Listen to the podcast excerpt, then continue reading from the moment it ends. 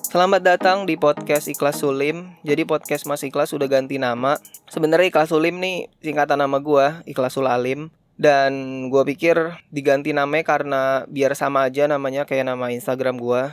Kan jadi seragam gitu kan. Udah sih gitu doang alasannya. Dan di episode kali ini gue mau bahas buku Who Moved My Cheese. Jadi buku ini tentang menghadapi perubahan. Ceritanya tuh ada empat tokoh imajiner dan karakter dari empat tokoh ini tuh mewakili cara manusia bertindak pas ada perubahan. Jadi tokohnya nih ada empat tokoh, ada dua tikus sama ada dua kurcaci. Yang tikus ini namanya yang satu sniff sama scurry. Sniff ini tuh dia mampu mencium kalau ada perubahan dia bisa tahu.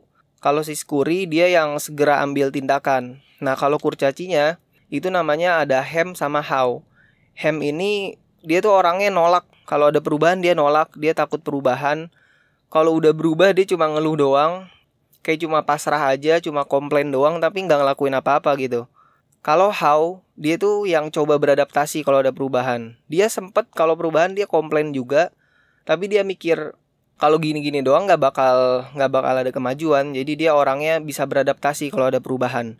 Nah, empat tokoh itu hidup di labirin. Mereka kerjanya itu nyari cheese, nyari keju. Buat kesejahteraan sama buat kebahagiaan buat mereka gitu. Di sana tuh mereka bertahan hidup pakai keju aja. Nah, kalau keju di kehidupan nyata tuh kayak apa ya? Kayak misalkan jabatan lu, kayak pendidikan lu, uang. Bisa diibaratin kayak gitulah keju di kehidupan nyata. Tiap hari mereka lari ke labirin buat nyari keju, tapi tantangannya di labirin itu ada sudut-sudut gelap yang bisa tersesat, bisa nyasar di situ. Tempatnya bahaya lah pokoknya. Setelah rutinitas mereka lari pagi nyari keju, sampai pada suatu hari mereka nemuin stasiun keju C. Di buku ini tuh disebutnya Cheese Station C, stasiun keju C. Jadi di labirin itu ada tempat-tempat yang banyak kejunya. Nah mereka bertahan hidup pakai itu kan. Hem sama House seneng banget tuh bisa nemuin itu kan dia kayak nganggep ini rumah sendiri dia jadi ini zona nyaman gua nih dia jadi kayak mereka kayak agak sombong gitu si kurcaci ini Hem sama How dia sampai kayak wah ini bakal selamanya nih. Kita udah nggak usah mikir lagi keju nih. Udah di sini aja udah. Nggak usah ke mana-mana lagi. Ini udah bakal selamanya. Mereka mikir kan begitu. Sampai tiap malam selalu bawa keju yang banyak banget ke tempat tinggal mereka. Dan mereka pikir besok pagi masih ada. Sampai seterusnya mereka pikir ada terus, nggak bakalan berubah. Sementara Sniff sama Scurry itu tetap pada rutinitas mereka. Pagi-pagi banget berangkat ke stasiun keju C buat mengendus sama melacak daerah sekitar. Baru mereka makan keju di situ. Mereka mantau apakah ada perubahan di stasiun itu. Nah ini beda tikus sama kurcaci. Kalau si tikus itu dia sebelum makan ngendus-ngendus kejunya dulu, nyium-nyium kejunya, terus merhatiin daerah sekitar, apakah ada perubahan di stasiun itu.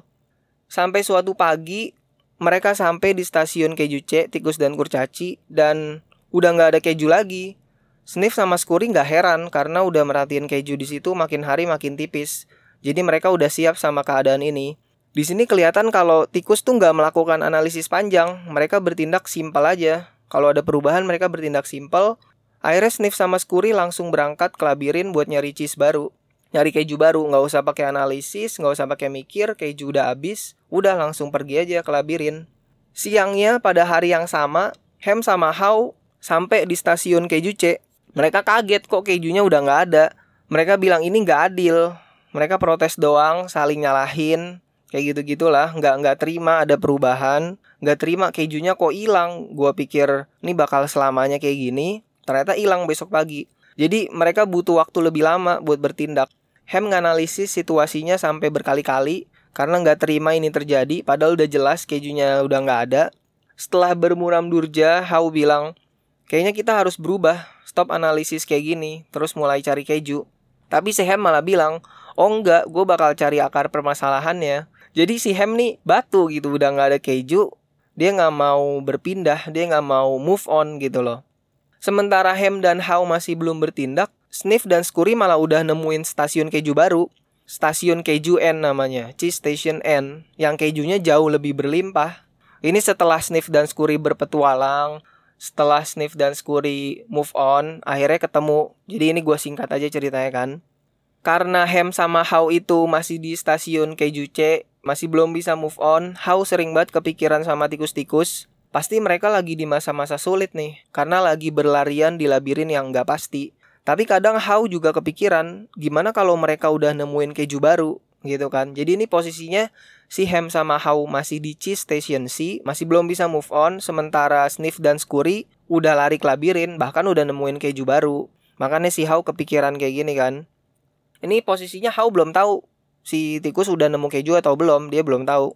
Karena kan Sniff dan Scurry udah udah pergi duluan. Karena kepikiran kayak gitu, How jadi ngajak Ham buat, ayolah udah kita pergi ke labirin cari keju. Tapi si Ham malah menghasut, di luar bahaya, bisa nyasar, banyak lorong-lorong gelap lah. Karena dihasut gitu, si How jadi surut lagi semangatnya. Jadi mereka si How sama Ham tetap ngelakuin hal yang sama, datang ke stasiun keju C, kayak gitu terus, ngarep ada keju, nggak ngelakuin, udah tetap ngelakuin hal yang sama, mereka pulang ke rumah. Besok pagi datang lagi ke stasiun keju C buat ngarep kejunya ada sampai pada suatu hari setelah mereka ngelakuin kayak gitu terus sampai-sampai buat lobang di stasiun keju C dengan ngarep ada keju kayak gitu terus sampai akhirnya si Hau mulai sadar ini gue konyol banget ngelakuin hal yang sama tapi masih nanya kok nggak ada yang berubah? Dia akhirnya murung kayak gitu mikirin kayak gitu mikirin kekonyolan dirinya lah. Akhirnya udahlah gue kelabirin aja lah. Tapi gimana kalau nggak ada keju? Ya udah lantar itu dipikirin nanti. Yang pasti di sini udah nggak ada keju daripada ngelakuin hal konyol udahlah gue nyari keluar aja. Sebelum dia pergi dia nulis pesan di dinding supaya Hem baca. Tulisannya gini jika anda tidak berubah anda akan punah. Akhirnya si Hao udahlah pergi mulai ke labirin tapi walaupun si Hao udah ke labirin dia masih ada rasa takut gitulah sama khawatir. Dia masih masih ada takut-takutnya karena kan di sana bahaya bisa nyasar kayak gitu-gitu kan.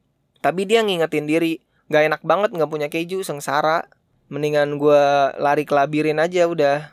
Yang pasti itu di stasiun keju C udah nggak ada keju. Kalau gue kayak gini terus nggak bisa. Udahlah gue ke labirin aja udah nikmatin. Di tengah perjalanan si Hao mikir coba aja seandainya gue perhatiin perubahan. Sebelum makan dia harusnya perhatiin dulu. Atau setelah makan intinya merhatiin situasi gitu loh. Kayak kejunya udah jamuran terus persediaan keju di situ makin lama makin menipis. Coba aja gue perhatiin itu. Seandainya dia merhatiin kejadian-kejadian perubahan gak bakal ngagetin bagi dia. Terus dia berhenti buat istirahat dan nulis di dinding. Tulisannya kayak gini ciumlah keju sesering mungkin sehingga anda tahu kapan keju mulai membusuk. Akhirnya dia lanjutin perjalanan lagi. Di labirin house sering juga nemu stasiun keju yang kosong. Jadi kayak kecewa gitu kan, dikira ada keju tapi ternyata nggak ada. Jadi nyerah, jadi mau balik lagi ke stasiun keju C. Terus juga banyak lorong yang gelap kan, jadi takut. Terus dia sadar, rasa takut cuma bikin keadaan lebih buruk. Akhirnya dia udahlah gas aja ke lorong-lorong gelap, dia nating tulus aja lah, walaupun ke depan dia nggak tahu ada apa-apaan. Dan di luar dugaan, ini setelah panjang perjalanan nih di luar dugaan dia malah enjoy dia nikmatin perjalanan terus dia bilang kok gue seneng? Padahal gue nggak punya keju sepotong pun. Terus dia bilang oh ini yang buat gue bahagia. Dia berhenti lagi nulis di dinding.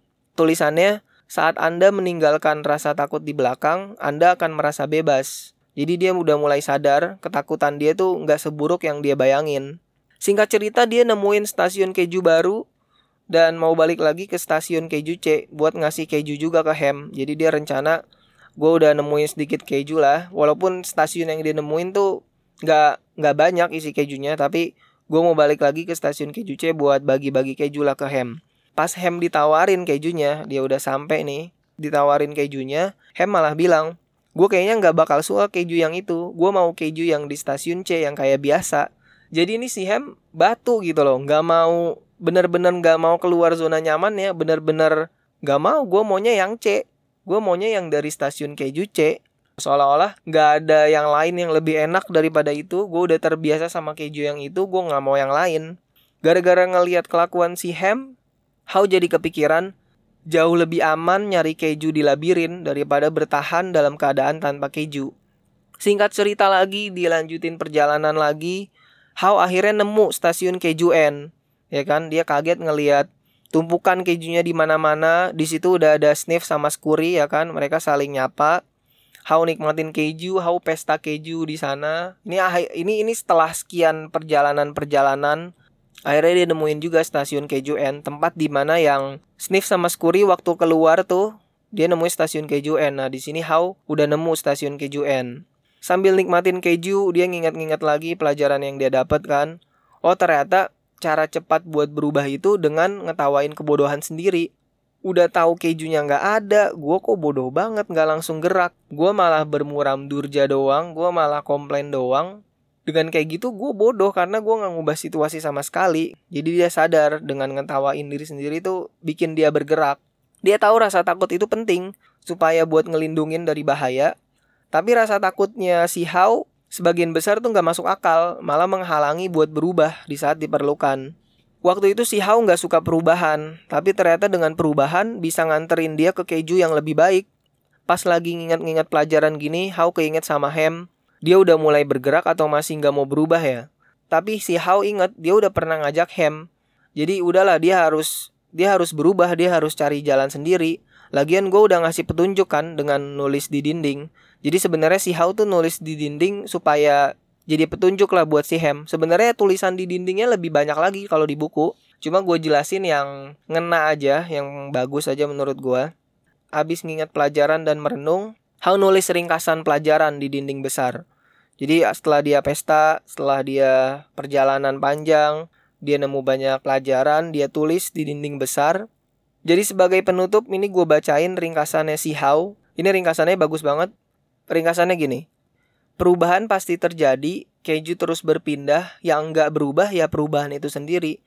Makanya harus antisipasi perubahan, siap-siap keju lu bakal habis, cium keju lu sesering mungkin, jadi tahu kapan bakal membusuk. Kalau udah tahu bakal busuk atau bakal hilang, sesuaikan diri, adaptasi, lupain cheese lama, cari cheese baru, nikmatin perubahan, nikmatin petualangan nyari cheese. Teruslah siap berubah karena keju tetap berpindah. Gitu jadi ringkasannya. Oke segitu dulu episode kali ini.